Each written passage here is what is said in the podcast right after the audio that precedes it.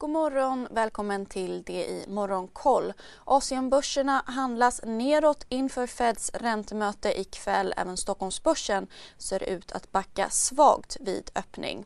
Fullt fokus är såklart på Feds räntebesked ikväll klockan åtta svensk tid där banken väntas höja räntan med 50 punkter vilket då blir andra räntehöjningen sedan 2018 samt signalera om fortsatta räntehöjningar och nedtrappning av balansräkningen.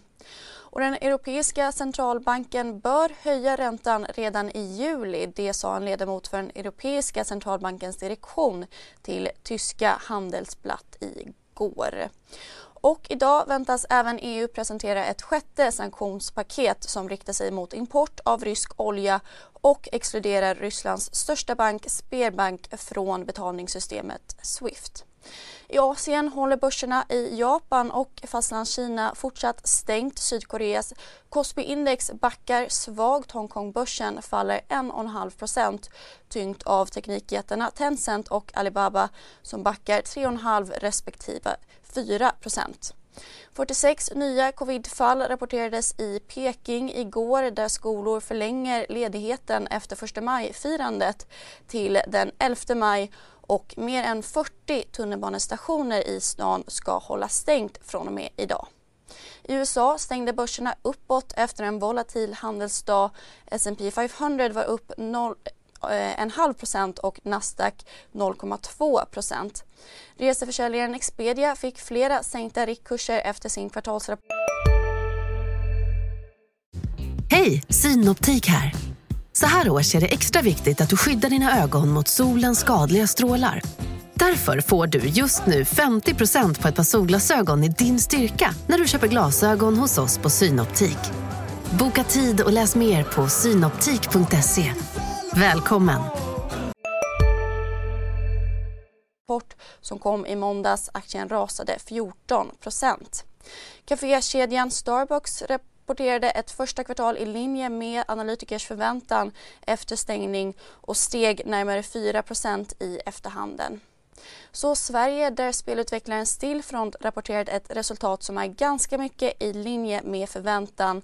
Men den organiska tillväxten förblev negativ, minus nästan 7% Bolaget behåller sin prognos om en organisk tillväxt för helåret. Guldbolaget Lundin Gold har rapporterat en ökad försäljning i första kvartalet och upprepar helårsprognosen för 2022.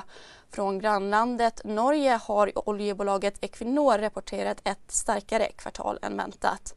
Vidare har e-handelsbolaget BHG tagit in en miljard kronor i en riktad nyemission för en rabatt om 6,2 procent. Pengarna ska enligt bolaget gå till förvärv.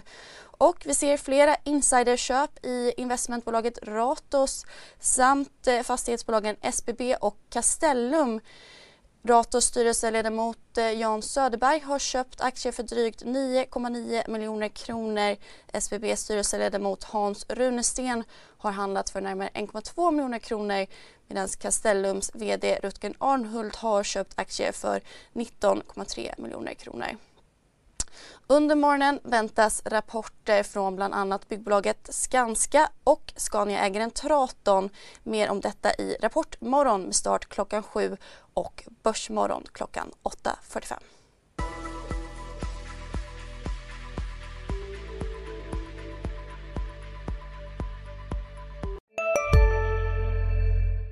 CSRD, ännu en förkortning som väcker känslor hos företagare. Men lugn, våra rådgivare här på PWC har koll på det som din verksamhet berörs av. Från hållbarhetslösningar och nya regelverk till affärsutveckling och ansvarsfulla AI-strategier. Välkommen till PWC.